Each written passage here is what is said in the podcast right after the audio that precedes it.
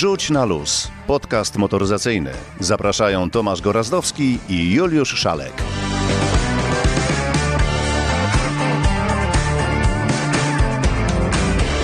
Dzień dobry, dobry wieczór. W końcu nie wiadomo kiedy to pójdzie. 108 odcinek naszego podcastu, kochany. 108. Ale jak miło widzieć cię tutaj przede mną siedzącego jak żywy. Normalnie Chciałbym trochę powiedzieć- tylko opalony i trochę jakby wychudzony. Chciałbym powiedzieć to samo, dlatego powiem tak. Miło, że jesteśmy mm, razem. Cieszymy się, że Ale już słuchacie. niedługo, już niedługo, bo w przysz... A, co, już nie będziemy opowiadać, co będzie w przyszłym tygodniu.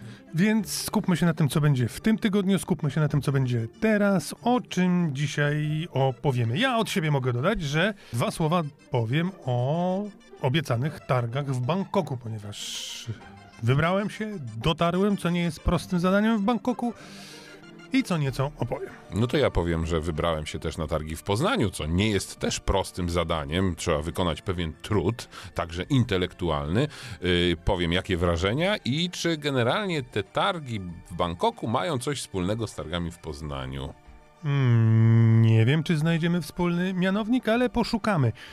Co ciekawego jeszcze, dwa dni temu byliśmy na polskiej premierze nowego Forda Bronco. Legendy. Le- Żałuję, że tam osobiście nie mogłem być, ale wszystko w Twoich oczach.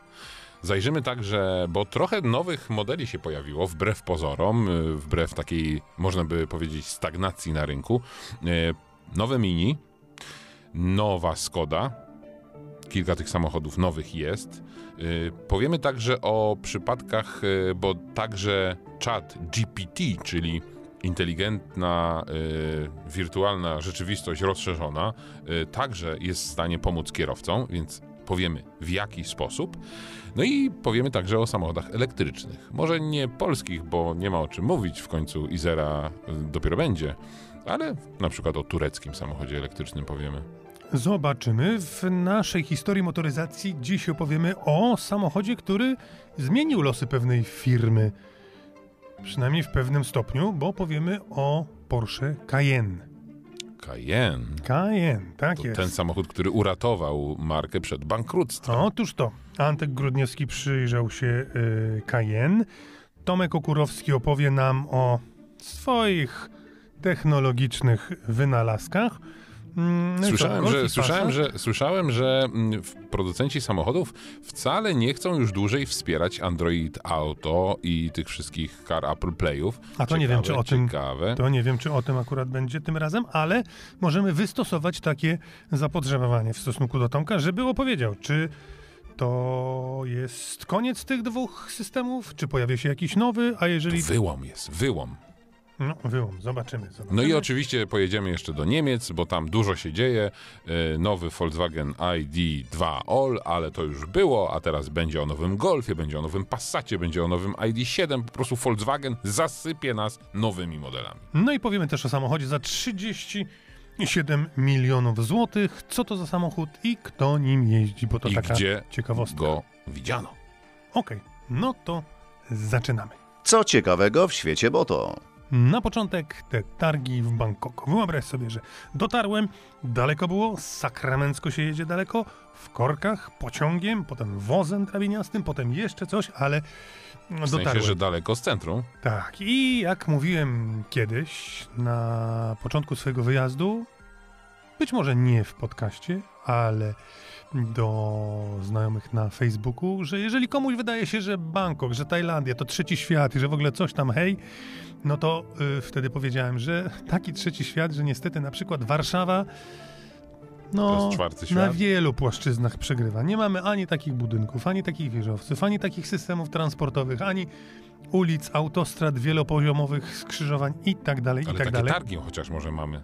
Targów też nie mamy, ale dlaczego tak mówię? Nie mamy takiego kompleksu wystawienniczego. Szczęka opada.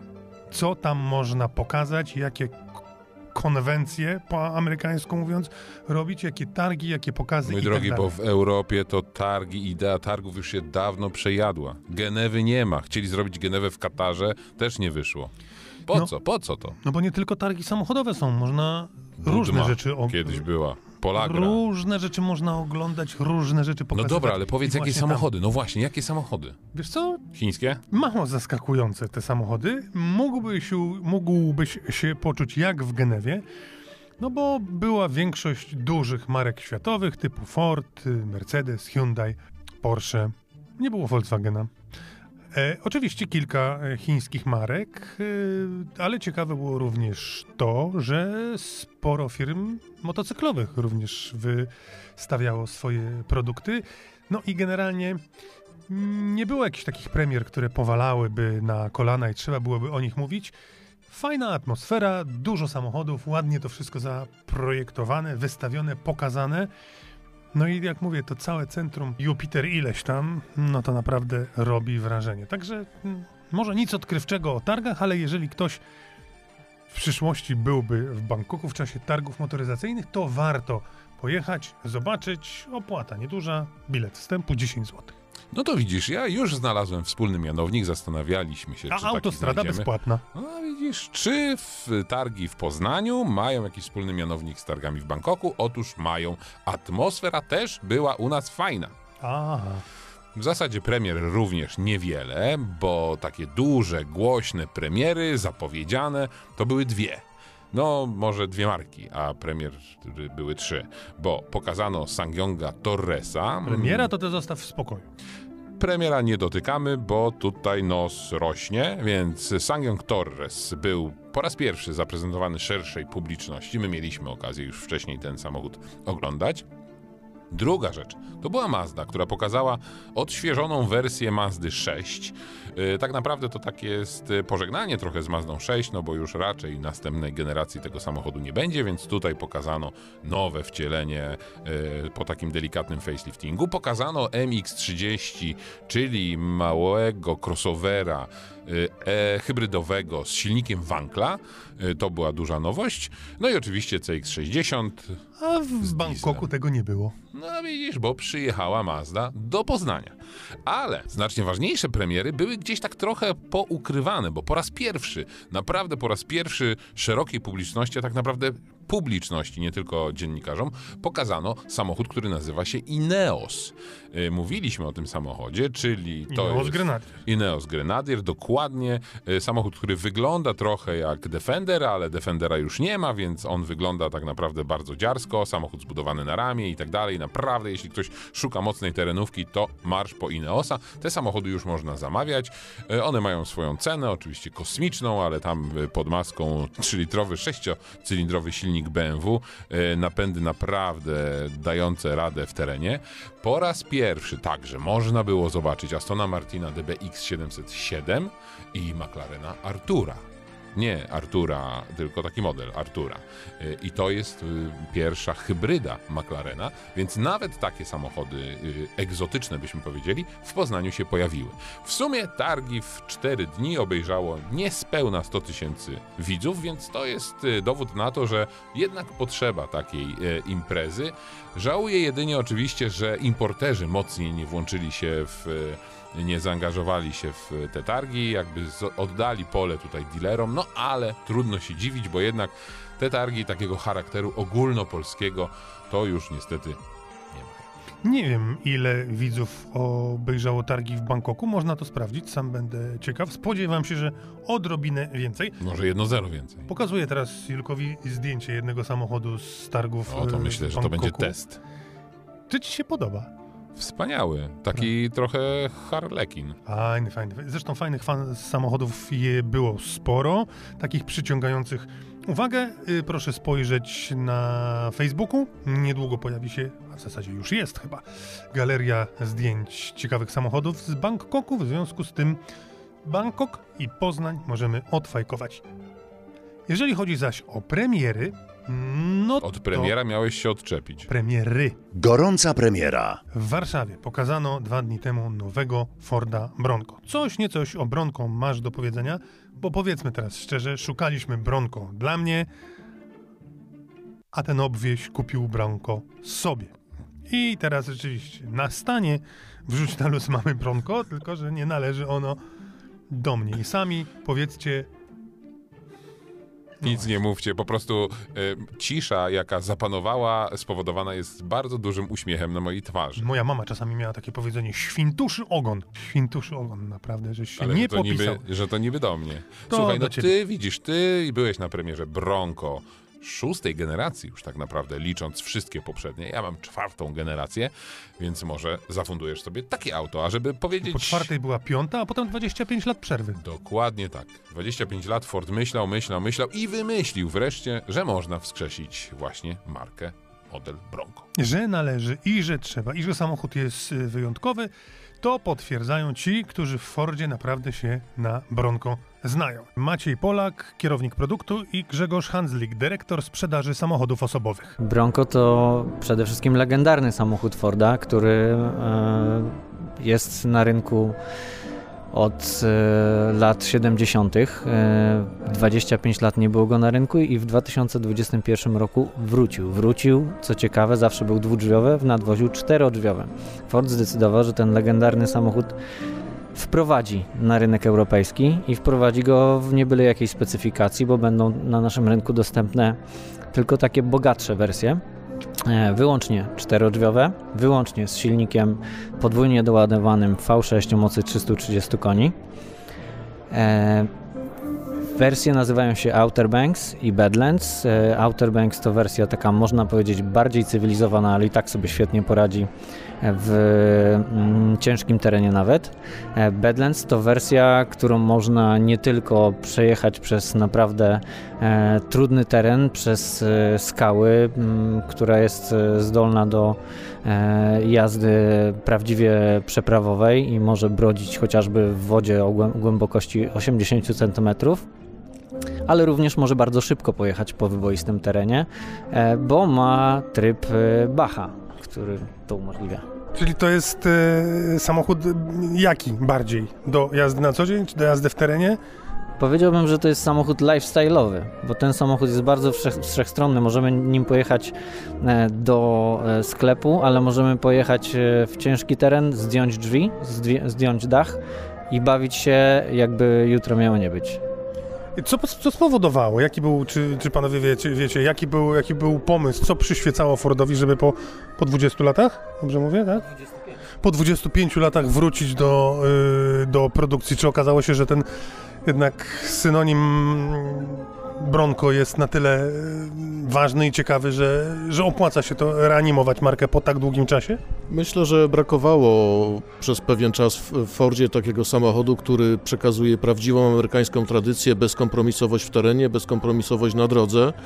Brakowało samochodu dla ludzi, którzy po prostu mają benzynę w żyłach i Bronco w każdym obszarze te, te oczekiwania spełnia i jest samochodem, który naprawdę bezkompromisowo potrafi dostarczyć wiele radości, ale również dla osób, które prowadzą firmy, które wymagają dojazdu często bezdrożami, jest to doskonałe rozwiązanie, bo są wtedy mobilni i, i dzięki Fordowi Bronco mogą swój biznes prowadzić. Także samochód jest naprawdę, tak jak mówiliśmy, bardzo uniwersalny i nawiązuje w dużej części do tej amerykańskiej tradycji, do ducha przygody, do przestrzeni. Myślę, że, że wszystkim nam tego na co dzień zaczyna brakować.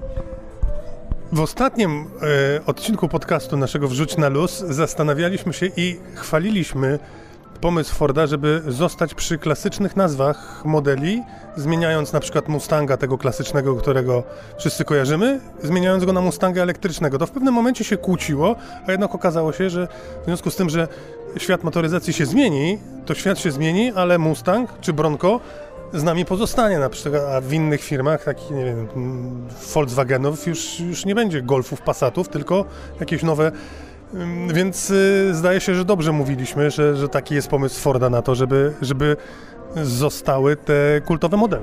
Tak, te, te, te, te, te- te 100 lat tradycji do czegoś zobowiązuje. My mamy na tyle bogatą historię i to historię taką motoryzacyjną, techniczną, że, że chętnie sięgamy po te nazwy. Najnowszy przykład, który mamy na os- ostatnich dni, to jest prezentacja zupełnie nowego elektrycznego, zaprojektowanego i produkowanego w Europie Forda Explorera.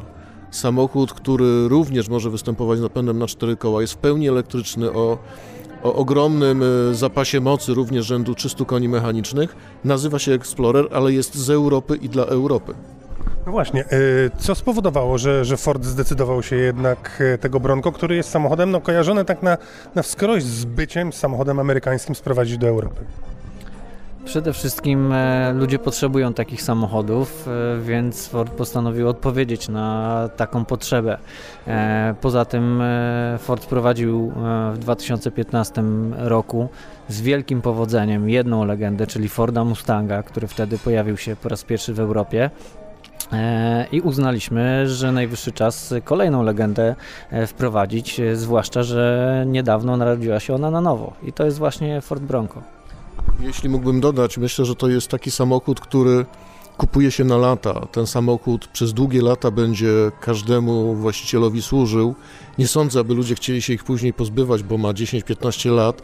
To jest samochód, którym zawsze można się pojawić, można się pochwalić przed kolegami i za 10-15 lat on dalej będzie tym solidnym, silnym, stylowym Bronco. Tutaj nic się nie zmieni. Na prezentacji dowiedzieliśmy się różnych ciekawych rzeczy z zakresu y, głównie techniczne. Fajnie one się przedstawiają, ale nie mamy czasu, żeby to wszystko powtórzyć. Co zasługuje na, na, na podkreślenia? wyposażony we wszystkie współczesne e, systemy e, wspomagania kierowcy, antykolizyjne, adaptacyjne tempomaty. Możemy nim wjechać naprawdę na skaliste podłoże i przejechać tam, gdzie każdy e, właściciel nawet e, wydawałoby się terenowego suwa nie wiedzie, nie ma szans. Ten samochód ma 25 cm prześwitu, e, ma odłączany stabilizator przedni, co pozwala mu przejechać przez e, no, prze, e, przeszkody takie, gdzie ludzie pukają się w czoło widząc i e, widząc człowieka, który chce przez to przejechać. I to jest coś, co urzeka mnie w tym samochodzie. Dla mnie to, co jest najbardziej urzekające w tym samochodzie, to ta możliwość, że zastosowano wszystkie w zasadzie rozwiązania techniczne i elektroniczne, które umożliwiają przejechanie przez cały teren, to przysłowie GOAT, Goes Over All Terrain, a z drugiej strony samochód jest tak skonstruowany i tak dopasowany do użytkownika, że użytkownik początkujący dzięki łatwości sterowania tymi wszystkimi technologiami jest w stanie posługiwać się tym samochodem, ale również użytkownik może rosnąć tym samochodem. Samochód wyjątkowy, wspaniały, najlepszy, najszybszy i najdzielniejszy, ale z drugiej strony, czy zdarzyła Ci się jakaś premiera, gdzie przedstawiciele koncernu mówiliby coś innego? Zawsze ten samochód jest wyjątkowy pod wieloma względami, ale Mam, Bronco... taką, mam, takie, mam taką myśl, że to nie są spece od Bronco, tylko Bronco spece.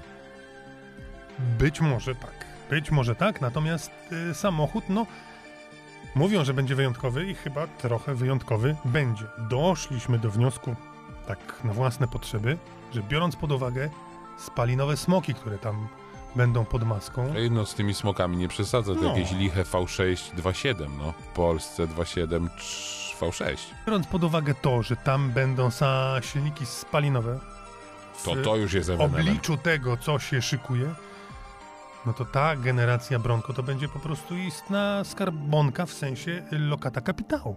No myślę, że tak. To jest w ogóle To taki tylko- pomysł na to, żeby ten model zafunkcjonował w Europie, bo on nigdy nie był oficjalnie sprzedawany w, w Europie, y, ale właśnie to jest taki ostatni gwizdek na to, żeby kupić sobie taki samochód właśnie z silnikiem czysto spalinowym, żeby postawić go w garażu, jeździć w tym błocie, taplać się, korzystać, no bo za chwilę będą tylko samochody elektryczne. Nie mówię, że samochody elektryczne nie są dobre w teren, no ale jak ktoś chce mieć dobrego benzyniaka, to to jest ostatni dzwonek. To prawda, chociaż może być ciężko z tą jazdą, bo jak już kupisz tego Bronco za 440 tysięcy, to już może nie być pieniążków, A to wiesz, co mój tata mówił? Jak masz na krowę, musisz mieć na łańcuch.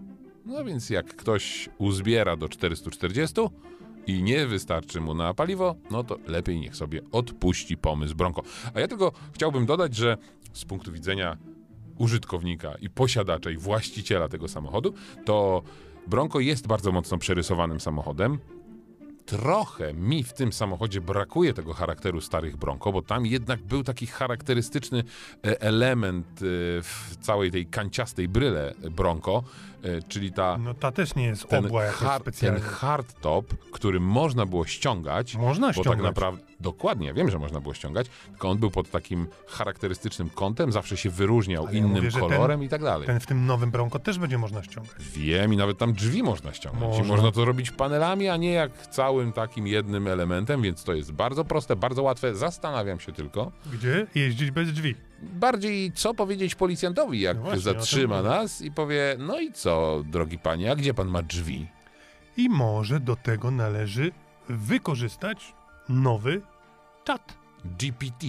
Co tam o tym GPT tam miałeś, że No słuchaj, być może... się wymigać? Być, być może nadejdzie chwila taka, że jak ja gdzieś wyjadę, to ty usiądziesz tutaj w naszym studio i zapytasz chat GPT, żeby coś opowiedział o motoryzacji. Nie wiem, na pewno nie zrobi tego w taki sposób inteligentny jak ja, ale być może jest to jakieś rozwiązanie. Bo otóż pewna Brytyjka dostała mandat za złe parkowanie i postanowiła wykorzystać do napisania pisma, w którym chce się odwołać od tego mandatu, właśnie chat GPT. No i słuchaj, wprowadziła wszystkie dane, otrzymała po kilku minutach pismo, wysłała je do policji, sprawę anulowano. Tak to wygląda. Zero. Nic nie musiała główkować, nic nie musiała myśleć, wprowadziła tylko dane. Jakieś kiedyś To były takie, dobrze? Nie, kiedyś były takie komputery Odra, tam też wprowadzałeś dane, one tam liczyły, cz, cz, cz, coś tam prze... Ludzie będą coraz głupsi. No, Ludzie Już są, będą nie? coraz głupsi, ale na szczęście to chyba już my, nasze pokolenie jeszcze Już dojedzie na tych... Mów za siebie, jednak z tym pokoleniem trochę nas dzieli. No, żebyś się nie zdziwił. Trzech lat nie masz. Wrzuć na luz. Najlepszy motoryzacyjny podcast w kraju. Powiedzmy trochę o samochodach, bo trochę odeszliśmy od y, y, takiej czystej motoryzacji z krwi i kości. Jak się o czystej motoryzacji w postaci Bronco mówiliśmy. No ale wiesz, czat GPT to nie jest czysta motoryzacja, to jest taka trochę motoryzacja, wiesz, jaka nas czeka. Y, dwie ważne premiery. Jedna ważniejsza, druga mniej ważna. Mówię o Mini Cooperze, który już na horyzoncie pojawia się i tak naprawdę został przyłapany przy okazji kręcenia filmu reklamowego. Y, No i nie byłoby w tym nic dziwnego, gdyby nie fakt, że nowy Mini jest kompletnie inny od tego miniego, miniaka, którego znamy. Y, Niedawno mówiliśmy, że Clubman odchodzi, a Mini koncentruje się chyba trochę jednak na takich mniejszych samochodach jednak, więc wraca do korzeni, można by powiedzieć, bo ten nowy Mini jest zdecydowanie mniejszy, jest trzydrzwiowy, jest oczywiście Cooperem S od razu i elektrycznym samochodem, ale słuchaj, pamiętasz takie auto chińskie jak y, Ora? Widzę po Twoich oczach, że nie bardzo. Mi, wyobraź sobie mini, które mm, choć zaokrąglone kształty ma, to zostało jeszcze bardziej wygładzone i jeszcze bardziej zaoblone i jeszcze bardziej w każdym detalu zaokrąglone. I tak wygląda nowe mini. Ten grill jest bardziej pochylony, reflektory są okrągłe, ale w lot y, w niczym nie przypomina te, tych, które są w dotychczasowych samochodach. No No wszystko jest jakieś takie bardziej kanciaste i bardziej zabawkowe, a najgorsze chyba w tym samochodzie, coś co mi się absolutnie nie podoba, są tylne światła. Zawsze Mini było y, y, rozpoznawalne po reflektorach w kształcie brytyjskiej flagi. Brytyjska flaga została, ale niestety kształt tych tylnych świateł jest jakiś taki trójkątno-kanciasty. No, jeżeli wydaje ci się, że ktoś jest w stanie sobie wyobrazić, co miałeś na myśli, trójkątno-kanciasty, to nie bardzo. Czyli chat GPT jednak. Nie bardzo plastycznie żeś to yy, pojawił, no- ale to rozumiem, że jest do sprawdzenia. W tym roku mini nowy będzie dostępny, pojawi się w sprzedaży. A druga premiera, która jest równie ważna, chociaż nie tak ważna, bo to jest jednak samochód koncepcyjny, to jest Skoda Vision 7S. Samochód, który wyznacza nowe trendy, nowe kierunki i w ogóle Nowy wyznacza kierunek w motoryzacji. motoryzacji, tak, będzie, wiesz, y, trójkątno-kanciaste trzy koła będzie miał. Na, tak naprawdę ten samochód pokazuje nowy język stylistyczny. To jest taki po prostu wytrych, którego wszyscy używają, że on nic nie znaczy. Ale generalnie chodzi o to, że ten samochód y, pokazuje, jak będą wyglądać przyszłe modele Skody i okazuje się, że przy okazji tego modelu Skoda robi kolejny mi się wydaje, bo niedawno chyba był, y, no taki rebranding czy zmiana logo, logotypu. Na jeszcze bardziej płaski, jeszcze bardziej taki dwuwymiarowy, mm, ale cały czas pióropusz strzała jest, nie mylić z kurą, z brokułem, ani z niczym takim, E, więc to zostaje. Było ostatnio srebrne, bo na początku było srebrno-zielono-czarne, później było właśnie tylko srebrne, teraz jest zielone. Takie delikatne zielone, płaskie, no i zmienia się pisownia Skoda, to S. nie ma już tego niedawno. ptaszka czeskiego, tylko taki, e, taką przerwę w, w kroju czcionki. No, ale Wstrząsające. tak, wstrząsające. Bardziej znacznie wstrząsające jest i teraz usiądź, bo będę opisywać, jak ten samochód wygląda. Wyobraź sobie dużego suwa, olbrzymie drzwi, olbrzymie połacie blachy, y, dość duże połacie szyby, masywny, strasznie masywny zderzak, zminimalizowany grill, bo wiadomo, samochody elektryczne nie potrzebują wlotu powietrza, więc ten grill może, może być mały, kosztem olbrzymiego zderzaka, który na dole ma coś jakby dyfuzor, który przypomina może trochę grabki, Jakbym widział X7. X7. No tak, tylko w X7 masz. Grabek nie ma. Nie ma grabek. Są tam zęby, na przykład bobra. Tutaj są grabki. Mm, Całkiem nieźle to wszystko jest skomponowane. Oczywiście w delikatnej, zielonej y, farbie to wszystko jest, tak nawet patrzę na nasze sukno na naszym stole Mm. montażowym. To właśnie wszystko bardzo ładnie tak wygląda. To sukno to to nawet niestety nie leżało. Ale najważniejsze. Najważniejsze jest to, jak Skoda Vision 7S wygląda w środku, bo przypominam I sobie... jak się pozycjonuje.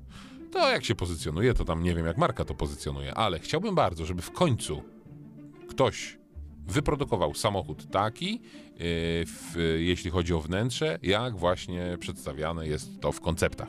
Bo tutaj mamy osobne fotele. Wszystko yy, zmierza do tego i mówi się o tym, że wnętrza samochodów będą miały zupełnie inną funkcję, no bo będzie autonomiczna jazda, yy, będzie więcej przestrzeni, więc będzie to bardziej salon niż taki samochód, do którego przywykliśmy dzisiaj.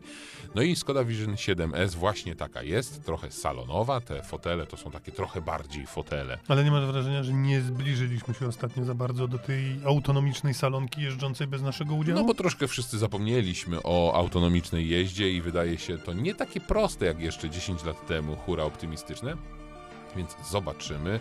E, Wyczynem jest autonomiczność poziomu trzeciego. E, No, zobaczymy, bo lidary wchodzą do powszechniejszego zastosowania, wykorzystania.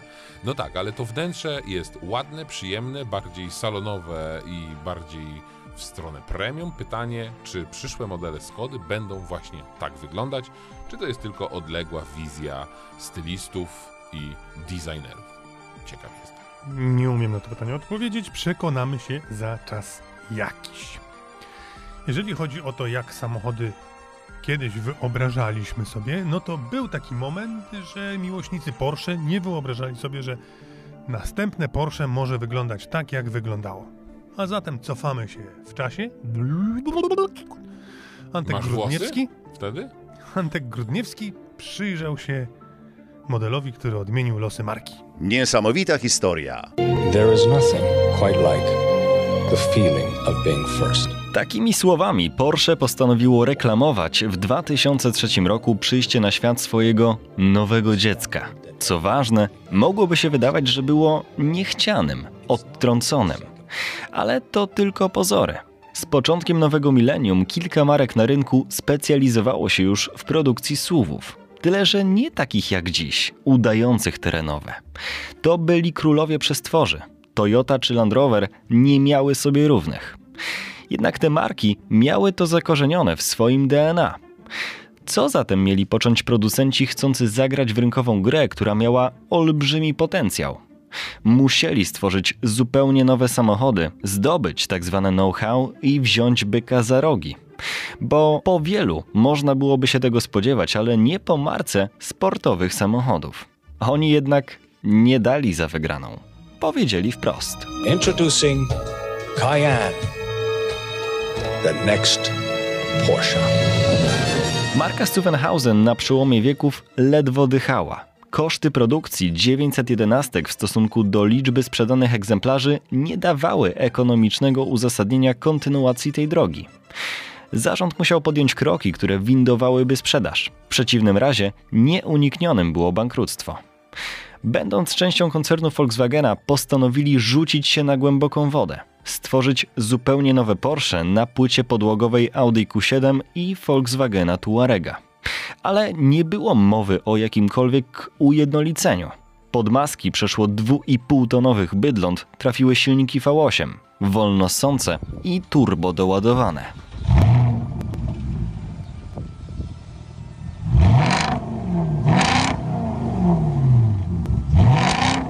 To one zrobiły furorę. Marka pokazała, że wygodne auto z wysokim prześwitem i wagą połowy Himalajów nie musi być nudne.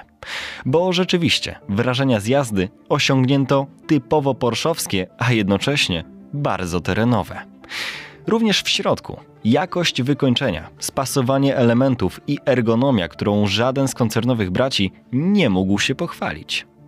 Choć niebawem w celu obniżenia progu wejścia dla potencjalnych klientów pod maski trafiły również silniki V6 z Tuarega, a także diesle.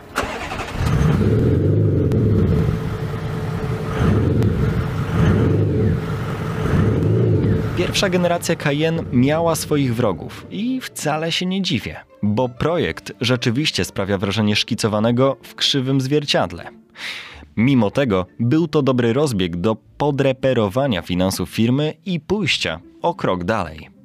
W 2009 roku na rynku pojawiła się druga odsłona i ona już rzeczywiście zrobiła furorę. Wszyscy wtajemniczeni mieli świadomość, że tylne światła były nawiązaniem do Carrery GT, a prowadzenie, choć wciąż dalekie od bolidu, było doskonałe. Warto również wspomnieć, że Cayenne pobił rekord Guinnessa w kategorii najcięższego samolotu ciągniętego przez samochód produkcyjny. Airbus A380. Skromne 276 ton. Wraz z trzecią generacją Cayenne Porsche zrezygnowało z diesli na rzecz hybryd. Marka, idąc z duchem czasu, a w rzeczywistości chcąc uniknąć wysokich podatków za emisję CO2, stworzyła kolejne cuda techniki, które pokazały, w jak bardzo sportowy sposób można postrzegać hybrydę. Rok do roku sprzedaż Cayenne'ów rośnie, a klienci otrzymują coraz więcej. I w tym przypadku więcej oznacza lepiej. Zdecydowanie. Blululu. 2023. I znowu wracamy do naszej rzeczywistości. Ale wiesz co, muszę ci wejść w słowo, bo okazuje się, że w zasadzie trochę takim podobnym modelem może być Macan, który niebawem wejdzie właśnie do sprzedaży. Macan, który będzie tylko elektrycznym samochodem. I samo Porsche twierdzi, że Macan może być takim Cayenne naszych czasów, chociaż marka nie wygląda na to, by miała zbankrutować, więc w zasadzie takiego modelu nie potrzebuje.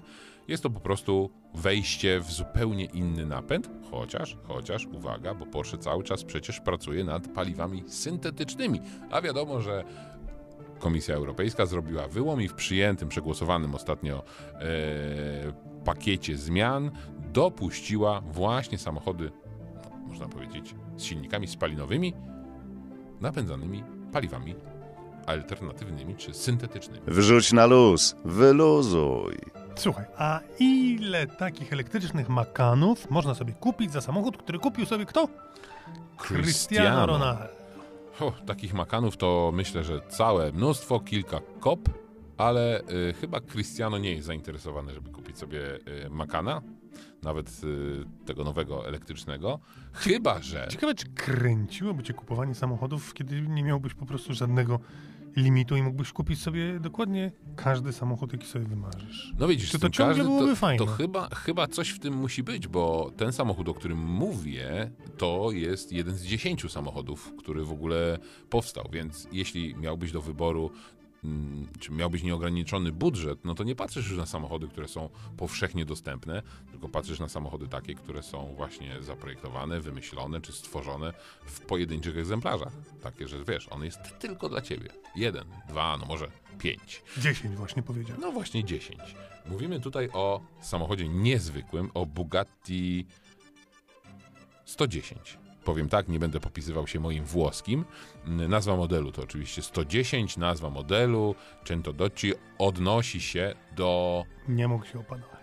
odnosi się do y, daty powstania marki. I ten samochód, co ciekawe, on nie powstał w ubiegłym roku czy w tym roku, on powstał już kilka lat temu, został zaprezentowany na takiej bardzo ekskluzywnej imprezie. No, ale właśnie wtedy kupił jednego, jeden egzemplarz Cristiano Ronaldo i ostatnio był widziany w tym swoim samochodzie. Wzbudził niemałe e, zdziwienie przechodniów. Oczywiście internet został zarzucony filmikami z tej przejażdżki, a Cristiano z szelmowskim uśmiechem oczywiście wychynął z tego samochodu, udał się do jakiegoś tam klubu no i zniknął w czeluściach. Ciekawe tylko, czy parkingowy odprowadził mu to auto, czy. Oj, te ręce by się troszkę mi częsły, jeżeli bym Tak, odstawiał taki za 37 37 milionów y, złotych, już tutaj trzymajmy się polskich y, walut. Samochód Czyli niesamowity. Blisko 10 milionów dolarów. 1600, y, 1600 koni mechanicznych, słuchaj. Wyobrażasz to sobie?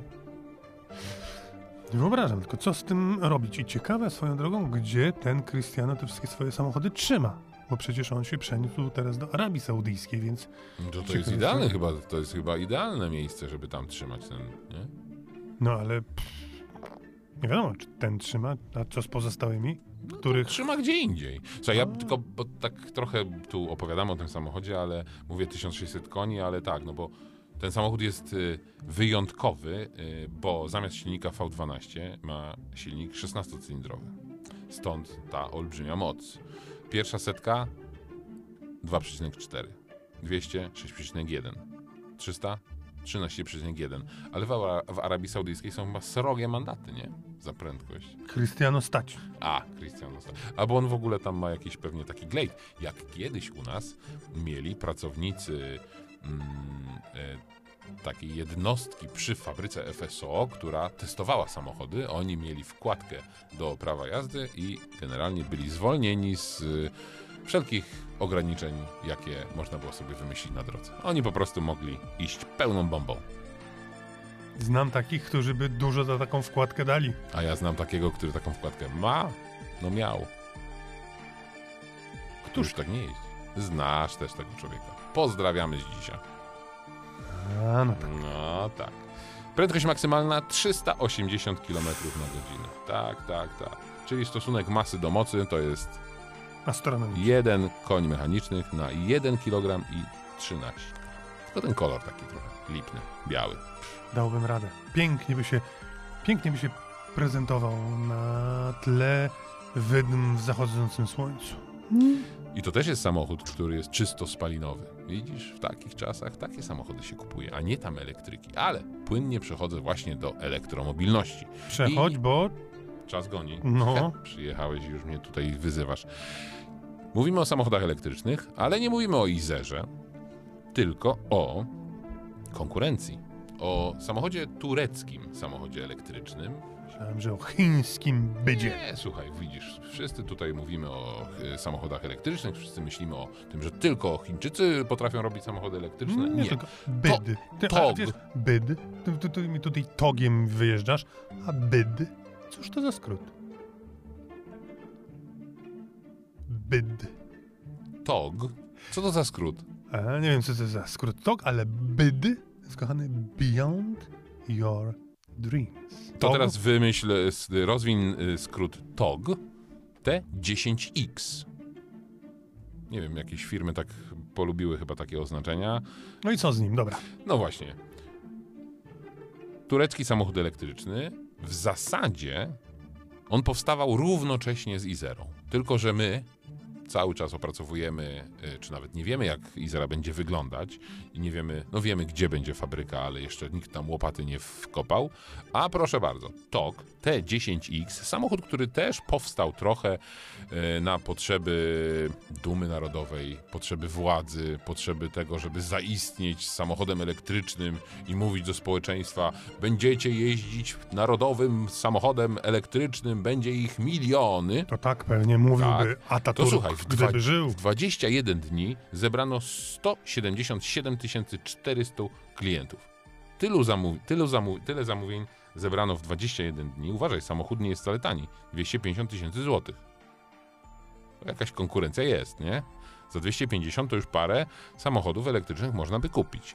I teraz pytanie, czy na przykład ktoś w Izerze siedzi i mówi ej, jak oni produkują samochód za 250 tysięcy, to ta nasza Izera wcale nie może być tańsza. Bo nie jesteśmy gorsi od W Turków. końcu mamy nie własną wymyśloną technologię, tylko kupiliśmy ją od Jelly, A Turków pokonaliśmy pod Wiedniem. a nam samochód polski elektryczny narysuje kto? Włoch. Z ziemi włoskiej do polskiej. Widzisz? Jak to się pięknie wszystko składa. No dobrze, ale skąd wzięła się taka popularność tego samochodu i tak dużo zamówień? Skoro tak dużo, albo stosunkowo dużo kosztuje, może. Na Może przykład turecki rząd, nie, na przykład dopłaca, nie wiem, połowę, jedną trzecią, cokolwiek. Na pewno turecki rząd zadbał o to, żeby w mediach narodowych, troszkę podobnie jak u nas, reklamować ten samochód i mówić, że on jest najlepszy. I tak właśnie zbiera się zamówienia. Nawet gdyby taka sytuacja była e, w Polsce, no to do miliona samochodów, które obiecywał premier jakieś 7 lat temu, no to trochę brakuje. Zaledwie 177 tysięcy zamówień. Tak sobie myślę, że to jest. To są jakieś dwa lata produkcji tego samochodu, może nawet trzy. Może Więc nawet więcej, szybko, może nawet szybko. więcej, bo pamiętaj, że niekoniecznie wizje i założenia właścicieli, producentów, decydentów Izery muszą się pokrywać z rzeczywistością. To na pewno się tutaj nic z jednym z drugim nie pokrywa, więc im dłużej Izerę będziemy Wymyślać? stwarzać, tym Wymyślać. lepiej. Tym lepiej. Pozdrawiamy wszystkich, którzy stwarzają Izerę. Trzymamy kciuki oczywiście. Jasne. To na koniec, y, że tak powiem, sprawa technologiczna. Włącz, wyłącz, uruchom ponownie. O technice i elektronice Tomasz Okurowski. Jaki przebieg macie w swoich samochodach? A ściślej, jak wiele kilometrów pokonujecie w ciągu roku? Myślę, że w zależności od tego, czym się zajmujecie e, i czy ten samochód jest e, bardzo potrzebny w pracy, czy też nie, pewnie można mówić o tym, że w skali roku pokonujecie od 5, tak obstawiam, do nawet i ponad 50 tysięcy kilometrów w skali roku. Oczywiście nie wspominam tutaj o kierowcach samochodów ciężarowych czy dostawczych. Zakładam, że wspomniane widełki dotyczą takich przebiegów, które można wykonywać samochodem osobowym. No to teraz wyobraźcie sobie, że mm, są samochody osobowe, a ściślej takie, które przynajmniej na osobowe wyglądają, które pokonują w skali roku znacznie większe przebiegi. E, I tu celowo używam określenia samochody, a nie kierowcy. Ano dlatego, że po prostu w tychże autach, które osiągają gigantyczne przebiegi, zwykle kierowcy zmieniają się dość regularnie. Mm, A dlaczego? No, cóż, odpowiedź jest bardzo prosta. Otóż w ciągu trzech, góra czterech lat em, takie popularne kombi, jak na przykład hybrydowa Toyota Corolla, czy benzynowe lub hybrydowe samochody koncernu Hyundai Kia, potrafią osiągać przebiegi rzędu 300-350 tysięcy kilometrów. Powtarzam, 3 góra 4 lata. 300-350 tysięcy kilometrów. No dobrze, to teraz po co tyle jeździć? No i teraz e, wracamy z historią, o której już miałem okazję Wam nieraz opowiadać, czyli a mianowicie z historią branży nawigacyjnej. Otóż takie przebiegi osiągają samochody, które służą do aktualizacji map. Tychże map, które używamy w telefonach, tabletach, komputerach, właściwie w niemal w każdym współczesnym sprzęcie mobilnym i nie tylko. Mowa o samochodach TomToma, które są konfigurowane i modyfikowane w łódzkim ośrodku, tymże ośrodku, który jest tak naprawdę takim najważniejszym centrum technologicznym TomToma, jeżeli chodzi o przygotowanie samochodów wykorzystywanych niemal, niemal, tu podkreślam to słowo, niemal na całym świecie. E, bo to auta mm, albo przygotowane bezpośrednio w Łodzi, albo wyposażone w odpowiedni sprzęt, który powstał w Łodzi i został przetransportowany na przykład na drugi koniec świata, e, codziennie pokonują e, ogromne odległości po to, żeby gromadzić dane. I to już nie tylko takie dane, do których przywykliśmy, jeżeli chodzi o kwestie takiej popularnej nawigacji, czyli przede wszystkim adresy, przebiegi dróg, e, takie kluczowe elementy infrastruktury, ale wraz z postępem w technologii, jeżeli chodzi o systemy asystujące kierowcę, tych danych zbiera się więcej, znacznie więcej. A mianowicie wszystko po to, żeby po pierwsze usprawnić pracę układów, które docelowo będą nas zachęcały albo zmuszały do utrzymywania prędkości dopuszczalnej na danych odcinkach dróg, czyli przede wszystkim mówimy o tak zwanym inteligentnym ograniczniku prędkości, ale także ułatwiały takie codzienne podróże, łącznie z tym, że nawigacja może nam sugerować na przykład zmianę biegu na ściśle określony. Skąd te dane? Znaczy inaczej, skąd takie informacje?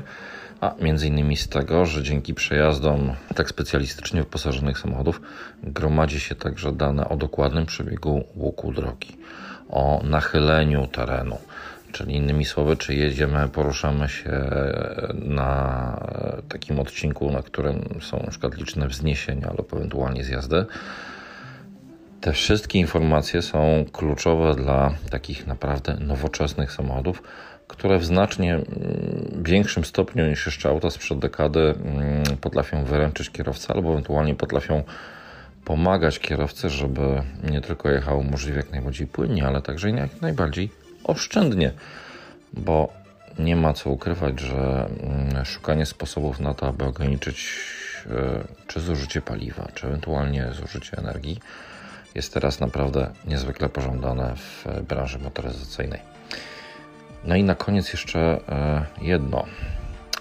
Jak zostać kierowcą tak specjalistycznego samochodu? Okazuje się, że to też jest niezłe wyzwanie, bo mm, w TomTomie nie ukrywają tego, że szukają, uwaga, ludzi tak zwanych ogarniętych. Takiego określenia użył Piotrek Zaręba z polskiego oddziału TomTom, który odpowiada za mm, flotę samochodów tak zwanych MoMA, czyli do Mobile Mapping, czyli zbierania danych.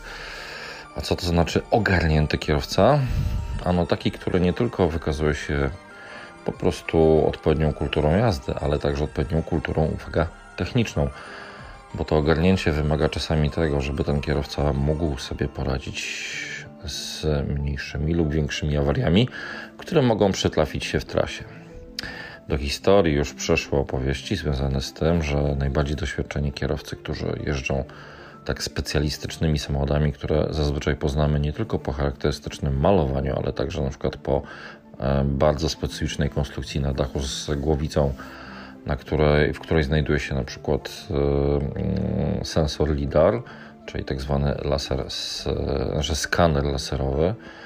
E, otóż Najbardziej doświadczeni kierowcy potrafią mieć także zaprzeźnione warsztaty w wielu regionach świata i potrafią zawczasu zaopatrzyć się w odpowiednie części zamienne, które najczęściej są potrzebne mm, w przypadku już takich większych przebiegów.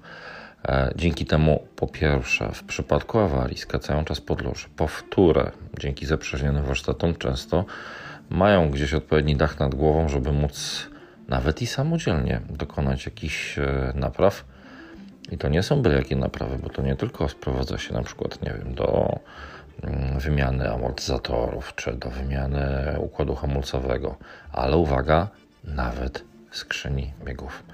Więc jeżeli takie umiejętności nie są Wam obce i macie ochotę jeździć naprawdę dużo, to pomyślcie, czy nie chcielibyście zatrudnić się w roli szofera wyjątkowego samochodu, jakim jest auto przeznaczone do aktualizacji map. Zainteresowani? I to by było chyba na tyle. Nie, mój drogi, nie na tyle, bo ja jeszcze mam y, dwie rzeczy, o których chciałbym bardzo podzielić się z Tobą i z naszymi słuchaczami. Y, w kontekście samochodów elektrycznych zawsze śledzimy rynek skandynawski, który jest pionierem, jeśli chodzi o elektromobilność. I otóż w Norwegii stała się rzecz niesamowita. Co tam Norwegię? Finów do NATO przyjęli. A jakie to ma przełożenie na elektromobilność? Czołgi będą elektryczne? Nie wiem. Ale może drony będą. W Norwegii po raz pierwszy udział samochodów elektrycznych spadł do 90%. Masz rację. Samochody spalinowe to jest naprawdę już przeżytek.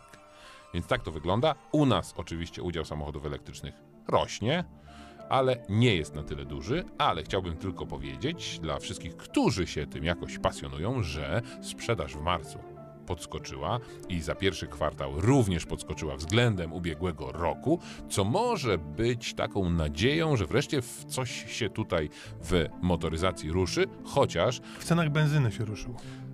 spada, rusza, spada, rusza, teraz rusza, Rusza. w górę. No właśnie, więc y, no cóż, kupować Bronco V6. Idealny samochód na Trudny czas. To był 108 odcinek podcastu Wrzuć na luz, powiedzcie znajomym, udostępnijcie, wyślijcie w kosmos, powiedzcie sąsiadowi, sąsiadce, wrogowi i przyjacielowi. I jak wszystko się dobrze ułoży, to za tydzień usłyszymy się w 109 odcinku naszego podcastu. I wtedy powiem o golfie, który nie wiadomo, czy przetrwa te czasy trudne. Bo dzisiaj Tomek mi nie dał powiedzieć, więc zapraszamy już na przyszły tydzień.